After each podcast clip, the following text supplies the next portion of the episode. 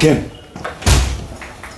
אני אתחיל בביטוי כלשהו, כן, בביטוי שמופיע בראשת בשבת, שהוא נקודת הפתיחה של מה שאני אומר, אבל אני חושב שזה הרבה יותר רחב.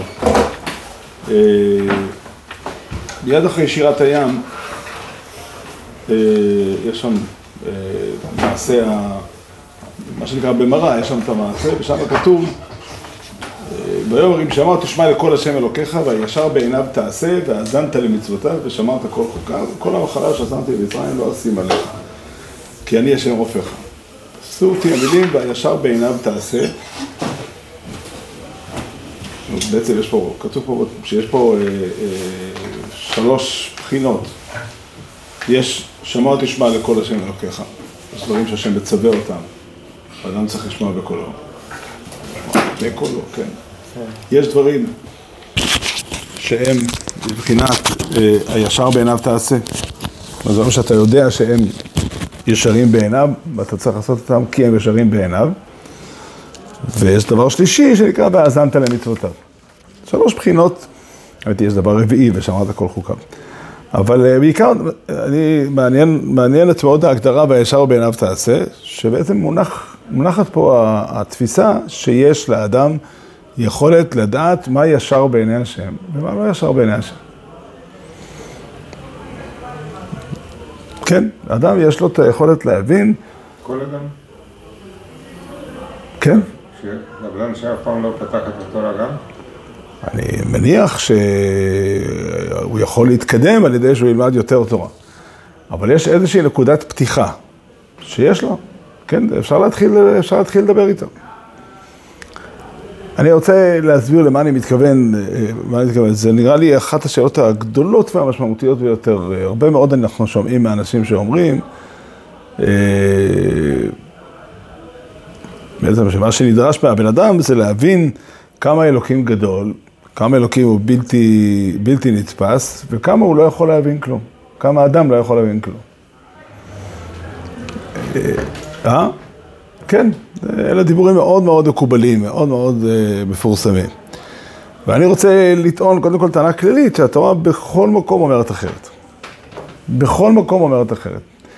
בכל מקום התורה אומרת שכשבאופן עקרוני, כאשר הקדוש ברוך הוא מתגלה ומדבר עם בני אדם, אז הם שומעים שמה שהקדוש ברוך הוא רוצה, זה מה שהם יכולים, אה, לא הייתי אומר להבין לבד, אבל, אבל לתפוס שזה נכון, להבין למה זה נכון. אה, כן. וזה אחד, אחד, אחד, המקומות, שב, אחד המקומות שבו זה כתוב, הישר בעיניו תעשה. זאת אומרת שיש יכולת לאדם לתפוס את הקו היושר של התורה, קו היושר של רצון השם, ואדם יכול ל, ל, ל, לדעת מה השם רוצה. באמת, באמת, לולא ההבנה הזו, אין בכלל מקום לתורה. אין מקום לתורה, לו יצויר. אז אתה מביא פסוק שכתוב, הראשונה לתורה כתוב שם הפוך. כי אלוקים בשמיים ואתה על הארץ, הכן יהיו דבריך מעטים. זה הפסוק שאתה מצטט. אז בואו נעשה את המבחן באמת. שוב, לו יצויר שאין לי שום דרך לדעת, אני אחזור מה שאומר השכן שלי, הגויין רבי יוסף שרייבר. לו יצויר שאני באמת לא יודע מה, שום דבר על הקדוש ברוך הוא, ואין לי שום דרך אה, רק לציית מה שאומרים לי, והתבונה שלי אין לה כלום, אני אפילו לא יכול לדעת שכשהוא אומר לי, אל תעשה, הוא מתכוון שאני לא אעשה. אולי הוא אוהב שעוברים את דבריו. כן, איך אומרים, אולי לשמור שבת, לחלל שבת זה מצוו גדולו, והשכר הזה הוא סקילי. זאת אומרת, התורה בנויה על שיח שמתנהל בין הקדוש ברוך הוא לבין האדם. והשיח הזה חייב להתנהל בשפה אנושית. זו אחת, אחת הסיבות בעיניי להרבה, זאת אומרת, או אחת התשובות. מקור לתשובה להרבה מאוד שאלות שאנשים שואלים, כי אנשים מתחילים את השאלה שלהם בזה שהם מנסים לראות את התורה כתורה אלוקית. ואז הרבה פעמים שואלים, זה לא מתאים, מה שהם רואים בתורה לא מתאים לתורה האלוקית.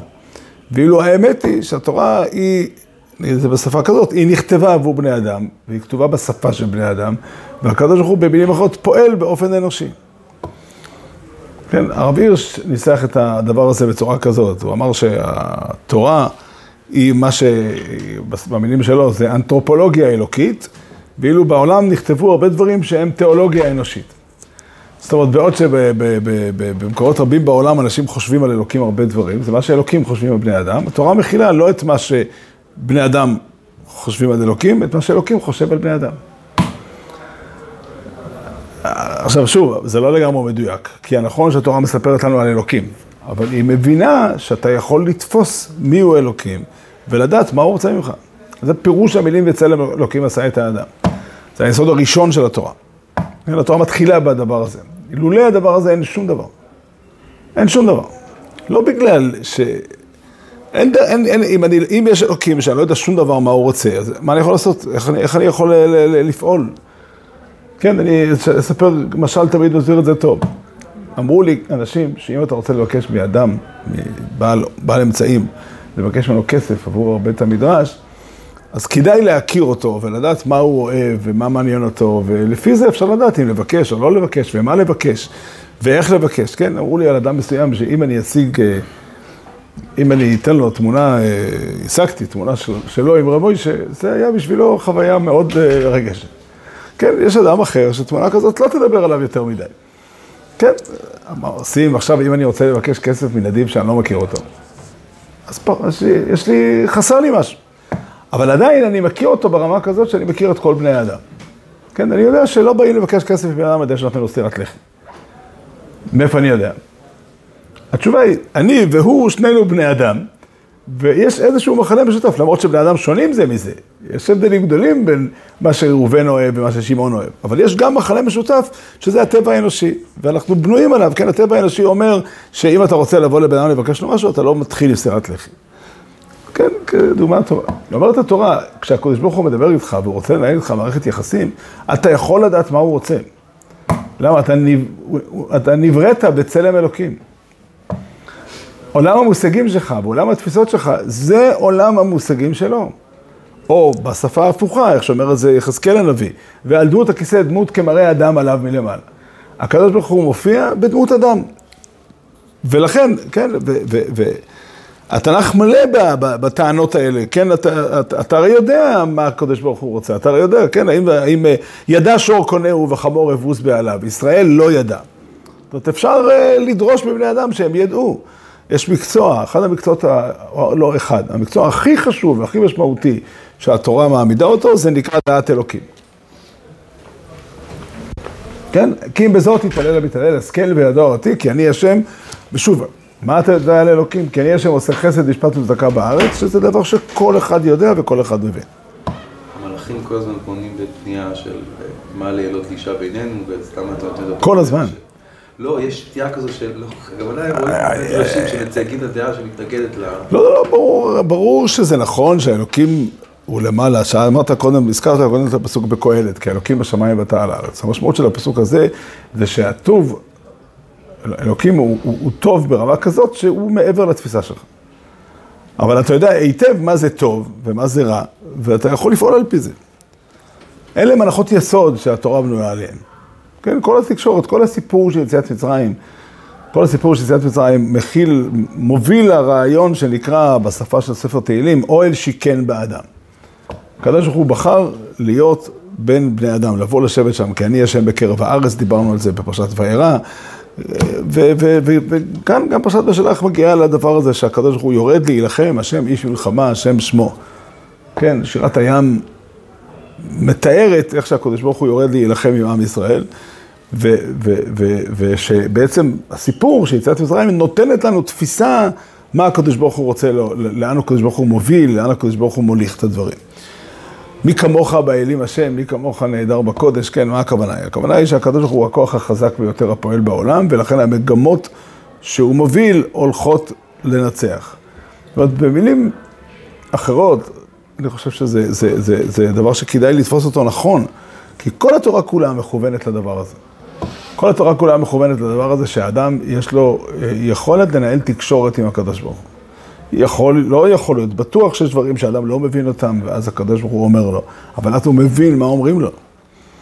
כן, בוא נדמיין לרגע, כן, אם היה הקדוש ברוך הוא היה רוצה לעשות, אה, לא, אם אנחנו רוצים להציע שידוך, פלוני עם פלונית, ומדובר על בחור שיודע רק טורקית, בחורה שיודעת רק צרפתית, זה, זה מורכב.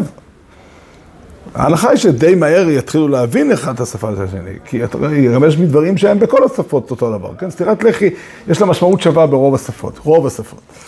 כן, אומרים שהרב עובדיה היה נותן סטירה והוא מתכוון להגיד שהוא, אה, לבטא בזה, אבל בדרך כלל גם מי שהיה שם מבין את הסיטואציה. כן? עכשיו, אבל, אבל אם אתה רוצה ליצור שידוך בין הקדוש ברוך הוא לבין בני אדם, אז השאלה שעומדת על הפרק, איך השידוך הזה יכול ללכת? איך השידוך הזה יכול ללכת? או במילים יותר ספציפיות ביחס לנושא שבו אנחנו עסוקים, אנחנו עסוקים במה שנקרא שמירת הברית. איפה מתקיימת, איפה יכולה להתקיים, היכן, איך, באיזה צורה, באיזה אופן יכולה להתקיים הברית בין הקדוש ברוך הוא לבין בן אדם? התשובה היא, הם בני חדא ביקטה, כן? הם מתאימים לשבת ביחד. הם מתאימים לשבת ביחד, האדם נברא בצלם אלוקים. זה, זה משפט כל כך דרמטי, כל כך מהותי, כל כך מרכזי, כן, וחז"ל אה, הרחיבו וביססו את התפיסה הזאת באופן רחב. כן, הם אמרו שרמ"ח מצוות תעשה הם כנגד רמ"ח איברים, ושס"ה מצוות לא תעשה כנגד שס"ה גידים. מה המשמעות של זה? או שס"ה ימות השנה. המשמעות היא שהתורה מכוונת לבנות את החיים של האדם כמו שהוא. כן, התורה מתאימה לאדם. זה מקרא מלא דיבר הכתוב, אנחנו מזכירים תמיד את הפסוק הזה. כן, ושמרתם את חוקותיי ואת מצוותיי, אשר יעשה, חוקותיי ואת משפטיי, אשר יעשה אותם האדם וחי בהם.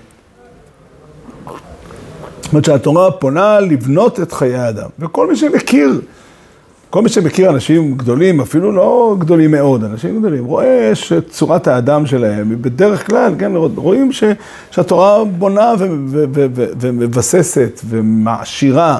יש דיבורים ב... ב, ב ספרי האזינו על הפסוק יערוב קטה לקחי, שדברי תורה הם אה, מפנקים את האדם, מעדנים אותו, משבחים אותו, יש שם כמה וכמה ביטויים, שכולנו חווים את זה ברמה כזו או אחרת, שהחיים של חיי תורה הם באים לבנות, באים לבנות את האדם. כן, זוהי סטוירו, כך כתוב בספר הזוהר, על הפסוק בפרשת חוקה, זאת התורה אדם כי ימות באוהל, חז"ל דורשים, זאת התורה אדם. אין התורה כולה אלא צורת אדם. המשמעות היא שהתורה מכוונת להשלים ולבנות את האדם, ושוב, זה, זה, זה, המשמעות של זה בחיים שלנו היא מהפכנית. היא מהפכנית. היא מהפכנית בגלל שזה אומר קודם כל שכשאדם מחפש את הדרך להתקרב לקודש ברוך הוא, אני אספר לכם סיפור, כן, לא, מטבע הדברים אני לא יכול להזכיר שמות, לא ראוי, לא נכון. אבל אה, אנחנו בפתחי עולם, היו תקופות, היו שנים שהיו בו, היו, היינו, זה לא היינו כאן, היינו במקומות אחרים, היו בעלי תשובה, גם בעלי תשובה טריים יחסית, שלפעמים היה קשה קצת להסביר, לתת להם הבנה מה אנחנו, מה התורה רוצה, מה, והם היו תוהים, במובן, בתת"ה או, או תע"ע או, או ט"ע, לא משנה, כן. ואחד מהבחורים הביא פעם איזה ספר, ספר שיצא לאור, שמישהו, כן, הוא קנה איזה ספר, ספר על דרכי עבודת השם. ואני היססתי מאוד, אני לא אהבתי את, ה, את, ה, את, ה, את הרעיון שאני צריך להגיד לאנשים שזה לא טוב וזה לא טוב, כאילו מי אני בשביל להגיד, כן, בגלל שבמקרה הוא השיג, אה, הגיע, מישהו נתן לו את המספר טלפון שלי בתחנה המרכזית, לכן אני צריך להדריך אותו. אז אה, אני ראיתי את הבחור, הוא קורא את הספר, הוא בא לדבר איתי על הספר, לא אמרתי לו מילה, אולי הערתי קצת, שהייתי חושב קצת אחרת בפרט הזה, אבל לא חשבתי שזה נכון לדבר נגד, לפחות שלא אהבתי את הסגנון. יום אחד הוא חוזר אליי, הבחור, ואומר, אני הלכתי לראות את האדם ההוא, ראיתי אותו, והחלטתי שזה לא דרך בשבילי. אז שאלתי אותו, על סמך מה? אז הוא אמר, אם זה היה אמיתי, זה היה יותר יפה. מאוד תפס אותי המשפט החכם. כן, אם זה היה אמיתי, זה היה יותר יפה. דברים אמיתיים לא אמורים להיראות, מה שהקדוש ברוך הוא רוצה לא אמור להיות שוב, לא, לא אמור לשבור את החיים של האדם, לא אמור להרוס אותו, לא אמור לנהל, להביא אותו לאיזושהי מלחמה קטסטרופלית עם המציאות. כן, זה, זה בעצם הסיפור, זה בעצם מה שיציאת מצרים באה לתאר, יציאת מצרים באופן כללי באה לתאר. כשהקדוש ברוך הוא מגיע לעולם, הוא נוכח לעולם, הוא לא בא לעולם בעמדה ש... אפשר היה לדמיין, אם אנחנו היינו רוצים לדמיין כל מיני צורות אחרות, איך הקדוש ברוך הוא יכול להופיע בעולם. כן, יכול להיות שהקדוש ברוך הוא יכול להופיע באיזושהי אה, קטסטרופה, שהוא בא לגאול את עם ישראל. כשהם קיבלו את התורה, אבל הם... מה? כשעם ישראל קיבל את התורה, הם נסוגו אחורה, הם אמרו שבעצם... כנראה שזה היה אחרי יציאת מצרים. ככה הסדר אומר. כן. הייתי אומר את זה מסברה, אבל זה גם כך כתוב בפסוק. כן, אתם ראיתם אשר, ככה הוא מתחיל, כשקדוש ברוך הוא מגיע ליציאת מצרים, ככה הוא מתחיל, אתם ראיתם אשר עשיתי למצרים, ואשא אתכם על כפי נשרים, ואביא אתכם אליי. כמה אהבה מונחת במילים הללו. ואשא אתכם על כפי נשרים, ואביא אתכם אליי. אני רוצה אתכם קרוב אליי. כן? זה מקרי, זה דמיון, זה, זה, זה, זה, זה, זה הסיפור. זה הסיפור, או קריאת ים סוף, כן, קריאת ים סוף. יש מישהו, יש מישהו ש... אה, אני רוצה להביא לי אה, חומש שמות מקראות גדולות. הספורנו, פירוש אה, הרבה מאוד עסוק בפילוסופיה, בכל מיני רמות, אבל יש קטע שהוא כותב בפרשת שמות על יציאת מצרים, הקטע הזה הדפסתי בתור אה, פתיחה, מעין הקדמה, במקום הקדמה, ויבינו במקרא ויקרא. אבל שם כתוב בתורה, שמשה רבינו שואל את הקדוש ברוך הוא, וכי אמרו לי מה שמו, מה אומר עליהם, והתשובה היא, אהיה אשר אהיה, אומר הספורנו, העובד תמיד על עניין אחד מצד עצמו. פירוש, הוא מפרש את השם הזה במובן, מי שההוויה שלו אה, היא לא משתנה, ההוויה שלו מוגדרת על ידי ההוויה, לא יותר מזה. כל אדם אחר, כל יצור אחר, אתה מגדיר אותו, הוא הגבוה, הנמוך, יש לו כל מיני צורות, הוא השמן, הוא הלבן, הירוק. כן, מי שעצם מציאותו זו הוויה, ולכן, פה מאוד משמעותי, ומזה יתחייב שיואב המציאות, וישנא כל הפסד מנוגד למציאות. כאומרו, כי לא אכפות זמות המת. זאת אומרת, מהתפיסה שלנו, מה זה אלוקים מתחייב, נדרש שנבין שהקדוש ברוך הוא אוהב קיום, אוהב דברים ש... שהם אה, עומדים, והוא שונא הרס, הוא שונא הפסד מנוגד למציאות. כאומרו, כי לא אכפוץ במות המת. ומזה יתחייב שיואב משפט וצדקה, אשר תכליתם מציאות. הוא אוהב מידות טובות, שהן מקדמות את העולם ובונות את החיים של בני אדם. הן יוצרות שלום, הן יוצרות שלווה, הן יוצרות שמחה, הן מכוונות לטוב. כן? כל אחד יודע למה משפט וצדקה מכוונות למציאות ולמה אכזריות ועוול מכוונים למשהו אחר. זו תפיסה שכל אחד מבין. ומזה יתחייב וישנא העוול והאכזריות, המתאים הקלקלות אלה היעדר והפסד. עוול ואכזריות הם מוליכים לשבירה, להרס. ובזה שנא חמאס ואכזריות המצרים נגדכם. זאת אומרת, שם השם אקי אשר אקי מופיע בתחילת יציאת מצרים בתור כותרת, כי ביציאת מצרים מה שקרה שהקדוש ברוך הוא בחר את עם ישראל בניגוד למצרים שהם אלה שעושים, נוהגים באכזריות ועושים עוול. זאת אומרת, יש פה, יש פה תפיסה, יש פה תפיסה, תפיסה שלמה, תפיסה אה, אה, שלמה של, של, של הסיפור. הסיפור הוא מהלך של ידידות, מהלך של ברית, שהקדוש ברוך הוא בא לכרות עם האדם, והברית וה, הזו, הקשר הזה שהקדוש ברוך הוא כורת עם האדם, בא לתת אישור, זו המילה הנכונה, לתת אישור לתפיסה הבסיסית של האדם, לנקודת הטוב, לנקודת ה, לרצון הפנימי של האדם ללכת אל הטוב וכולי. וכאן אנחנו מגיעים באמת ל- ל- ל- לאחד הוויכוחים הכי משמעותיים שיש לנו עם העולם, אולי נגיד את המילה, העולם החילוני. כן, העולם הכי, הטענה הכי, הוויכוח הכי מרכזי והכי מהותי, הוא לא אם יש אלוקים או אין אלוקים, שזה ויכוח חשוב ומשמעותי, אלא יש ויכוח קודם. האם יש אדם או אין אדם? זה הוויכוח העיקרי. האם האדם הוא יצור... בעולם הכללי, והבעיה היא ש, שחלק גדול מהתפיסות החילוניות חודרות אלינו, כך או כך, בכל מיני דרכים. לא יודע אם עדיין נכון לחשוב על הרעיון לבנות וילונות כהים וארוכים ורחבים, או אה, להתמודד, להתמודד עם הדבר הזה בעצמו. יסוידא יסוידויס ועמוד החוכבס, אני אשתמש בהשאלה בדברי הרמב"ם, כן? יסוידא יסוידויס ועמוד החוכבס, לידא. שאדם הוא יצור שנברא באופן כזה שהוא מכוון אל הטוב. שהוא מכוון אל הטוב. יש בתוך האדם כוח אדיר וחזק של טוב. כן, אנחנו כל כך רגילים לדבר בשפה אחרת, כל כך רגילים לדבר על זה שהעולם, הכל מלא שחיתות. כן, זה כמעט, כן, מדברים היום, כולם צועקים ובוכים על שנאת חינם. רוב האנשים שאומרים, מתכוונים להגיד, וזה גם אחת הסיבות שלא פותרים את הבעיה הזאת. ממה, מה יוצר שנאת חינם? בדרך כלל תשאל אדם מה יוצר שנאת חינם, יגיד לך המידות הרעות. זה לא נכון. זה לא נכון. אני לא אומר שהמידות הרעות לא משחקות תפקיד. יש להם מקום, יש להם משקל מאוד מסוים. השנאות, השנאות האמיתיות נוצרות מוויכוחים אמיתיים. ומה שגורם להם להפוך לשנאת חינם זה אהבת האמת. כן, פשוט מאוד. אם שני אנשים, אם אני פוגש אדם שאין לי איתו שום דבר משותף, אנחנו מתווכחים, בדרך כלל הוויכוח לא יביא למריבה גדולה מדי, כי לא אכפת לי מה הוא חושב. אבל אם אנחנו שנינו אמורים לבנות משהו משותף, כן, אנחנו חיים ביחד. לצורך העניין, בוא נעלה על הדעת, יכול לקרות דבר כזה, זה נדיר, אבל יכול לקרות שגם בין בני זוג יש ויכוח. שמעתם פעם על כזה דבר? כן. יש טוענים שקורים דברים כאלה בעולם, שמתרחשים דברים כאלה. עכשיו, אז יש ויכוחים כאלה על השאלה אם נקנה גלידה כזו או גלידה כזו וכולי, כן, גם שם אני חושב שהאמת צריכה לנצח. אין ספק, כן, בבית שלי פעם מישהו אמר, כן, למה על, על טעם וריח אין להתווכח? כי בטח אני צודק. אבל, אבל, אבל, אבל, אבל בחלק מהמקרים הוויכוחים נוגעים לשאלות מהותיות, גורליות.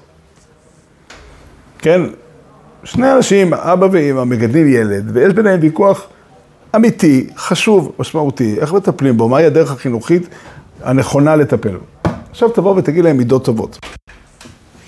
זה לא רלוונטי. ככל שהם יהיו יותר עם מידות טובות, ככל שהם יבואו יותר עם הרצון לעשות רק את הטוב ורק את הנכון, הם יריבו יותר חזק.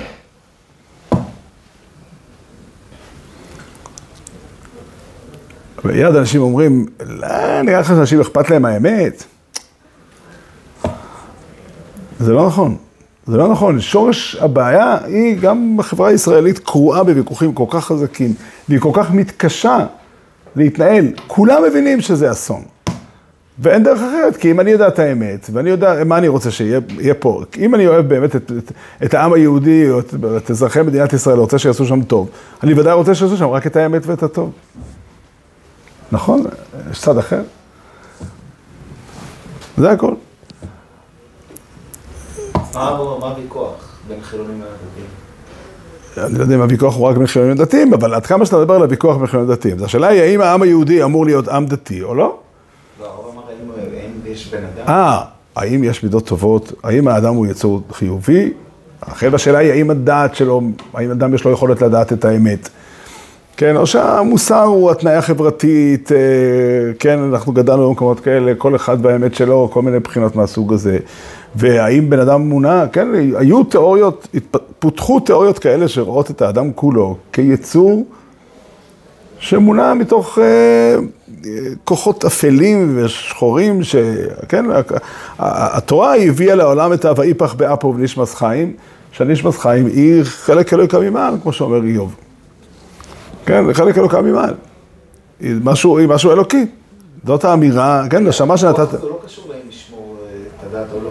אבל שיש עוד ויכוח, כאילו חשוב, זה קשור. כן. לא אם יש אלוקים, אלא אם האדם. כן, כן, אבל עוד פעם, אני אומר שתפיסת עולם חילונית מביאה את האדם לתפיסה שאדם... אה, מכאן מגיע חלק גדול מה, מה, מה, מה, מה, מהתפיסות, כן, התפיסות של, של, שאומרות, מהתפיסות שאומרות שכל אדם צריך לעשות את מה שהוא רוצה, כי אין שום אמת שאני יכול לבוא אני לא יכול להגיד לך שום דבר שהוא אמיתי, כן? אני חושב ככה, אתה חושב אחרת?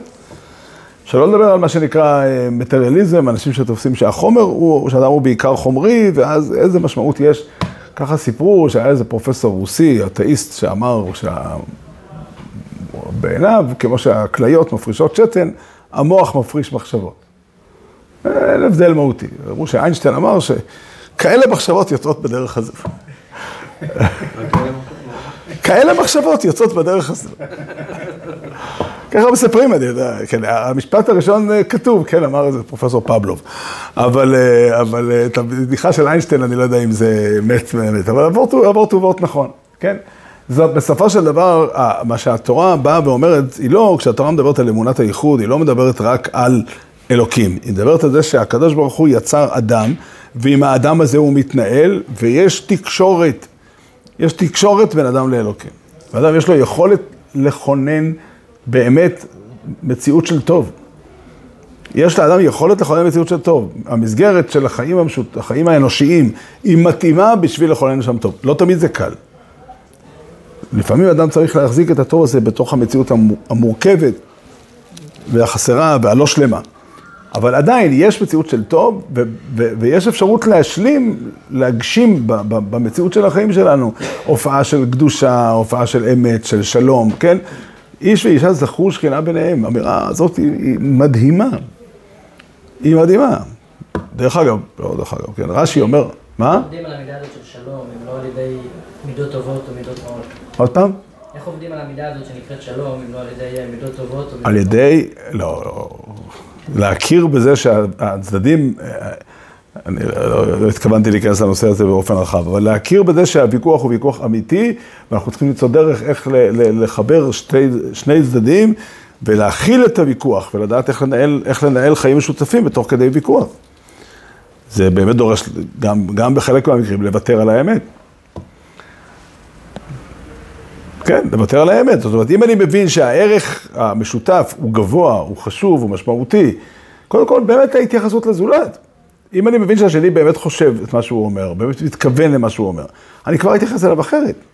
והדבר השני הוא, כשאני רוצה לבנות ביחד, חשוב לי וכדאי לי לעשות את הדבר המשותף הזה, גם על חשבון שחלק מהדברים יהיו לא כמו שאני מבין שהם נכונים, אלא, אה, כן, עוד פעם, מבחינתי הם יהיו דברים פחות טובים. ועדיין זה משתלם. זה חידוש, מה? זה חידוש של הרב. הרב תמיד אמר שאין כזה דבר לוותר על האמת. אין כזה דבר לוותר על האמת, אה, אני מתכוון, ואני, בדרך כלל כשאני אומר את זה, אני מתכוון לומר שזאת לא מידת הוותרנות, היא הפועלת כאן, אלא ההבנה שככה נכון לעשות. כן, לצורך העניין, אם אני ואשתי מתווכחים מה עושים עם הבן שלנו, ויש לנו ילד ויש לנו ויכוח, והוויכוח הוא ויכוח, לפעמים, יש ויכוחים שהם לא קריטיים, אבל יש ויכוח שהוא ויכוח קריטי, והוא מהותי, והוא גדול, ואני גם משוכנע שאני צודק, ואני גם באמת צודק. כן. כן, אין, שני צדדים. אבל לא למקרה של שלום בית, באמת למקרה שבהם... אה, אני חושב שזה המבנה ההלכתי הפשוט של סנהדרין. הסנהדרין עובדים על, הפנ... על הפרינציפ הזה, ככה הרמב"ן שואל, הרמב"ן בפרסס שויפטים, שואל, איפה ההיגיון, איפה הדבר הזה, שאני אלך כמו הרוב, כאשר הרוב פוסקים כנגדי בסנהדרין, למרות שאני משוכנע שאני צודק, ולמרות שהמעשים שהם מצווים אותי לעשות, הם באמת מעשים פגומים. כן, הכוונה היא, אה, הר"ן הוסיף על השאלה הזאת את המשפט, ואנחנו הרי מאמינים שיש טעם למצוות. זאת אומרת, אם מעשה מסוים הוא חילול שבת לפי דעתי, או הדוגמה שהרמב"ן מביא, ציוו אותי להרוג בן אדם מסוים, שלפי הבנתי הוא אדם כשר. הוא לא עשה דבר. הוא באמת אדם כשר. עכשיו, אומר, הרמב"ן אומר את התשובה, התשובה היא שהאינטרס הכללי של, של, שעם ישראל יהיה ביחד, ויהיה תורה בישראל, ותהיה שמירת הלכה, וכולי וכולי, הוא גדול יותר מהאינטרס של שמירת שבת. לא, או של החיים של בן מישהו אדם. קצת... אה, או החיים של בן אדם. לא, או חיים של בן אדם פרטי. כן, ב- ב- אתה אומר, בדרך כלל זה נכון שהכלל שהולכים אחרי הרוב, מבוסס על הרעיון שהרוב יש לו יותר סיכוי וסבירות להגיע לאמת. אבל, אבל זה לא נכון שתמיד הרוב צודק. אבל אז נמסר שאז זה נהיה האמת. לא. לא, הרמב"ן והר"ן, שניהם נאבקים מאוד חזק בעמדה שאתה מציג. סוגיה של תנורו של נחמיימודי, בעידה שהבת קול אומרת שרבי אליעזר צודק. אני לא יודע שאתה נכנס לסוגיה קשה מדי בשביל, בשביל הנושא הזה. אפשר, אפשר לעשות איתה הרבה דברים. אני אומר דבר מאוד פשוט, דבר מאוד מאוד פשוט, אני אגיד לכם את זה בדידיה ועובדה. כן, אני משוכנע, אין לי בזה ספק שהרגמון כקוצים הוא התכלס. החילזון המסוים ממנו זה התכלת האמיתית. אף על פי כן, השאלה אם יש תכלס או אין תכלס היא שאלה הלכתית, והיא נידונת על ידי גדולי הפוסקים, והם פסקו לא ככה. ולכן ההלכה היא שאין תכלס. מה? לא בטלית גדול. תשים לב, המשמעות היא שאני חייב, לפי דעתי, חייב לשים תכלת, ואני נמנע ממצוות עשה דאורייתא, אני מבטל עשה דאורייתא לפי דעתי, כי ככה ההלכה. פשוט. יכול להיות שההלכה תשתנה בעניין הזה, אני מקווה שכן. אני, חלק ממה שאני רוצה פה לעשות, זה לגרום לזה שההלכה תשתנה. היא תשתנה, היא תשתנה כשהיא תשתנה. שימו לב לנקודה, יש אמת. יש אמת, האמת היא לא אה, מה שהרוב מחליט. לא? ההבדל העיקרי של תלמיד גדול זה בפרהסיה, ובעיניי זה חוצפה כלפי בית הכנסת. אני מתפלל בבית הכנסת שיש לו רב, אם ההלכה אומרת שלא... מה זה אם ההלכה אומרת? מה ההלכה? פוסקים לא פסקו שזה יהיה, אז למה בטלית קטן? אה, כי אין בזה רע. אף אחד לא טוען שהתכלת היא מפריעה למישהו. ו- ואני, אם הייתי תופס שזה חובה ונוהג ככה, אז זה היה חוצפה כלפי, זה היה- המראת פה של החכמים. אבל כיוון ש... אז זה, אני, לא- זה בסדר, זה לא מפריע לאף אחד. וכולי. ואולי על ידי זה אני אשכנע, אשכנע אותם. אני, אני, אני אומר את זה בשפה כזאת לא בגלל הנושא, הנושא היותר משמעותי, ההבנה שחברה אנושית יכולה להכיל בתוכה את השראת השכינה בדרך הזו. כן, יש אנשים, הדעה של הצד השני, אני יכול תמיד להגיד, זה בעצם מה ש... איך אנשים פותרים את הבעיה הזאת. כל אחד מסכים, כולם מסכימים בסופו של דבר עם הרעיון הזה שצריכים ללכת עם הרוב. כן, אין אף אחד שיגיד לך שהולכים, אה, שרק המיעוט. אבל תשמע, כל זה עם הרוב יודע ללמוד. זה כלי אחד, ויש עוד כלי אחד, אם הרוב מתכוון ברצינות. הרוב לא, לא, לא, לא, ודאי וודאי שרוב גדול קיים גם בלי סנהדרין. אני לא רוצה להיכנס לסוגיה עכשיו, זה לא הנושא שלנו כרגע. אני בעיקר רוצה ללכת ל- ל- ל- לשלב הבא. כן, השלב הבא, באמת, לצורך העניין, הנושא של נישואין, כן, איש ואישה זכו שכינה ביניהם.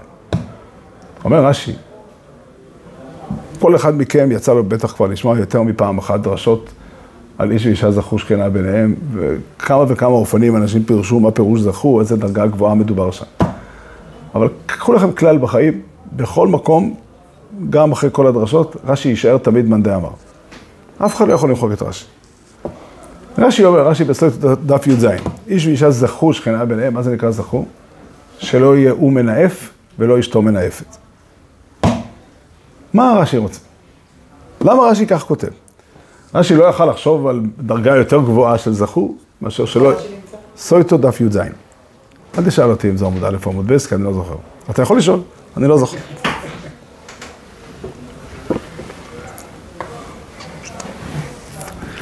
זה אומר שאני זוכר את זה לא מהגמרא, אלא מזה שכתבתי, ואני זוכר, זה מזה. כן, אם הייתי זוכר מהגמרא, הייתי זוכר אם זה פה או פה, אבל...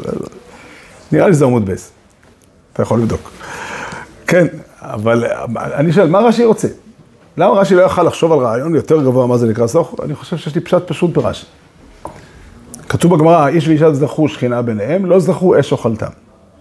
אם היה כתוב רק זכו שכינה ביניהם, אז רש"י היה כותב זכו, לא יודע איזה דרגה. אבל כיוון שחז"ל גם אומרים את הצד השני, רש"י לא מוכן לקבל שיהודים כשרים הם בבחינת לא זכו. והגמרא לא מציבה אפשרות ביניים. הגמרא לא אומרת, זכו שכינה ביניהם, לא זכו, נו נו, ואם הם קלקלו, אז אש אוכלתם. אז רש"י חייב, אומר, אנחנו חייבים לפרש שכל האנשים הרגילים, הם כבר נכנסים בהגדרה של שכינה ביניהם. נראה לי שזה פשט פשוט. ורש"י יסכים עם זה, שיש דרגות בשכינה ביניהם, ומשם והלאה אדם יכול לגדול עוד הרבה, בדרגה יותר גבוהה של שכינה. ופירוש הדברים לדידן, שכבר מהמינימום אפשר לגלם בנישואים מציאות של קדושה. מציאות של טוב, של נאמנות, של יושר, של אמת, של חסד, של, של, של, של אהבה, כן?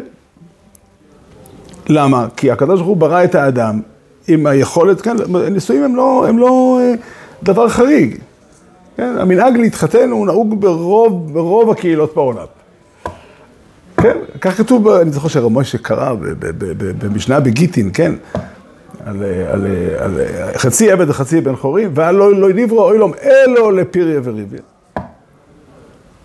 אז הוא אמר לי, אתה שומע מה שכתוב כאן? אלו לפיריה וריביה, לא מדובר פה על... אז הוא אמר, לא מדובר פה על איש ואיש הזוכו, מדובר פה על עבד ושפחה. שלא תוסיף שם קידושין. עד עכשיו זה היה בסדר, כי היה פה פיריה וריביה. מכאן והלאה יש בעיה, כי עשה שפחה אינו יכול, בת חורים אינו יכול, ואז לא נברו אלו אלו לפיריה וריביה. הוא אומר שזה לא הגיוני שאנחנו נבראנו בשביל להמשיך הלאה, כי צריך להיות משהו במה שאנחנו... ברור, אבל הפירוש הוא, אני לא יודע איך אפשר, אפשר לפרש אחרת שם במשנה, אני רק רוצה אבל לומר את העיקרון. העיקרון הוא וחז"ל סידרו סדר של ברכות נישואים, ברכות נישואים, הסדר של ברכות נישואים בנוי על הרעיון, כן, חז"ל לקחו שני עניינים גדולים, הכי גדולים שאפשר להעלות על הדעת, והם לא נזכרים בשום מקום בסידור התפילה שלנו, חוץ מברכת נישואין. צלם אלוקים, אשר יצר את אדם בצלמו וגן עדן. יציר רחוב בגן עדן מקדם. זה לא מוזכר איפה? בשום... שום מקום בסידור התפילה. אה, בסידור. כן, אל תגיד לי תפילו זקו, כי זה תוסף, תפילה, שלא, יש מקום בתנ"ך. אה, לא, אוקיי. לא, לא. התשובה, מה הפשט? הפירוש הוא מאוד פשוט. הפירוש הוא מאוד פשוט, הנישואים באמת הם המקום שבו אפשר להכיל, אני לא רוצה להיכנס לפרט אה, את הדברים באופן רחב, זה נושא לשיעור, להרבה שיעורים. אבל, אבל הנישואים הם מקום שבו בני אדם יכולים, במציאות אנושית טבעית, להגשים את הטוב בעולם. גן עדן נעלם. אומרים ששאל את השאלה הזאת גם, כן? באופן פשוט אין גן עדן. יהיה ימות המשיח, יהיה עולם הבא, יש עוד הרבה בחינות. אבל גן עדן כמו שהיה בגן עדן, אין. הכרובים ולהט אחר והמתהפכת נמצאים כדי לשמור את דרך עץ החיים, ונגמר הסיפור. ואז אנחנו באים לחתונה, כן, לא יודע, נשאל את הרב שאומר את הברכה ב... על סמך מה אתה מאחל לזוג הצעיר הזה גן עדן? התשובה היא שמכל מה שנעלם, כל מה שהיה בגן עדן נעלם, חוץ מדבר אחד. וזה כתוב בתורה במפורש.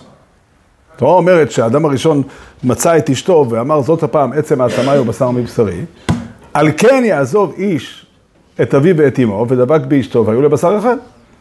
זאת אומרת, במילים פשוטות, על כן לא נאמר לפני החטא.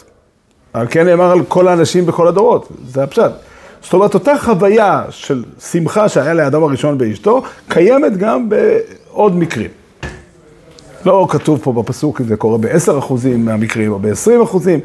כן, המשמעות היא ש, שזאת הסיבה שאנשים מתחתנים. אבל המציאות נפגמה, והוא ימשול בך, יש פה צורה של... עדיין, אחרי זה נאמר, אתה צודק, שיש גם בעיות בנישואים, שמעתי על זה, אבל, אה, אבל, אה, אבל עדיין, עדיין התורה מבינה שיש משהו מהגן עדן שנמצא שם, והם לא הזכירו את זה לא בלימוד תורה, ולא בתפילה, ולא ב, ב, בשום מקום אחר, הם לא מצאו לנכון להזכיר שיהיה טעם של גן עדן באיזשהו מקום. רב חמודך אזרחי, מה? עץ חיים זה כמבוא, זה ככה. אתה צודק. אתה צודק. זה לא בנוסח אה, קצת אחר, אבל אתה צודק. לא מדברים על, ה, על העונג, על, ה, על השמחה. פה מדבר, שמח תשמח רעים האהובים, כשמח לך יציר לך בגן עדן מקדם.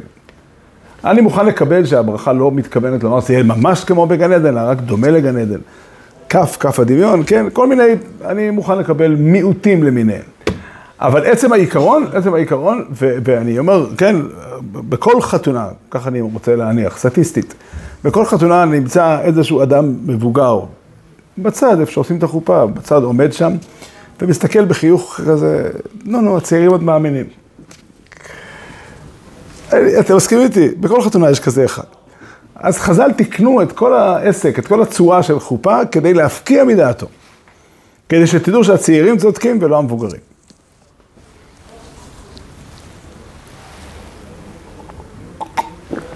היה לי פעם יהודי אחד שדיבר על. על הבת שלו, איזה שידוך שנהיה, כן, והיא החליטה שהיא רוצה, והוא רצה שאני אשכנע אותו, אותה, או שזה לא כדאי וכולי. אז הוא אמר לי, תראה, הם, הם חיים באיזשהו דמיון על... על... לקח לו זמן עד שהוא הוציא את המילה מהפה, כן, אבל בסוף הוא, כן, איך, איך, איך לוקחים צעירים מדומיינים ומסבירים להם את המציאות, ככה הוא שואל אותי. לא התווכחתי איתו, הבנתי שאין לי סיכוי. אבל, אבל חז"ל חשבו לא כמוהו. אני לא תיאוריה אם השידוך היה טוב או לא טוב, השידוך היה כנראה לא טוב, בסוף הם התגרשו. אבל, אבל, אבל, אבל העיקרון אני אומר, שמח תסר, דרך אגב זה לא ראיה. יכול להיות שהוא הצליח להזיק. אבל, אבל, אבל, אבל שמח תשמח רעים האהובים, כי השמח יצירכו בגן עדן מקדם. הרב חיים פלאג'י שאל, למה לא מוזכר, למה לא מברכים שהחיינו בנישואים? בנוסח שלו, על כל כלי חדש מברכים שהחיינו, אז על אישה חדשה. ובעקבות השאלה שלו נוהגים הספרדים לברך על טלית כדי להוציא. התשובה היא הרבה יותר פשוטה. מברכים לא ברכה אחת, אלא שש ברכות ועוד ברכת בורא פרי הגפן, ולא פעם אחת, אלא שבעת ימי המשתה כמה וכמה פעמים שיוצא. וגם אם יש פנים חדשות, אז זה בצורה... כן, ניכנס לכל הפרטי דינים בסוגיה. כל אחד מהפרטי דינים נצטרך להסביר אותם, זה ייקח הרבה זמן. אבל, אה, אבל, אבל מה כל זה אומר? כל זה אומר שהקדוש ברוך הוא ברא את בני האדם ונתן להם אפשרות ליישם בחיים שלהם, להנכיח בחיים שלהם את המציאות של הקדושה, את המציאות של שכינה בעולם. וזה על ידי המציאות האנושית. כן, אותם מידות, אותם כוחות נפש, אותם דרכים שבני אדם משתמשים בהם כדי לחבר בין איש לאשתו, הם מקום להשראת השכינה. למה זה תשובה של המלאכים שהגענו? למה? למה זה תשובה של המלאכים שהגענו? לא הבנתי. למה זה? סיבה של המלאכים שהחיינו. לא, לא, לא, זה לא סיבה שמברכים שגרנו. אתה, אני אומר, לא צריך לברך שגרנו, כי מברכים ברכות יותר גדולות. ברכות יותר גדולות. אשר ברא ששון ושמחה, חתן וכלה, גילה, רינה, דיצה וחדווה, אהבה ואחווה ושלום ורעות. יש שבע, שש ברכות, כל אחת מביאה משהו אחר, ולא פעם אחת. לא, אתה שואל, נו, נו, אתה רוצה, תתרס תרוץ גם על זה.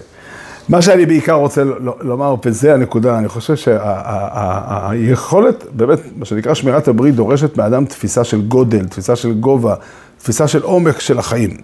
כן, החיים הם בעלי משמעות אדירה. היכולת של אדם ל- ל- ל- ל- להיות מכוון, ל- ויש אפשרות, יש אופציה שאנשים יכולים לעשות ביניהם שלום, ל- ל- ליצור חיבור אמיתי, ליצור גילוי של, של הטוב האלוקי בעולם שלנו.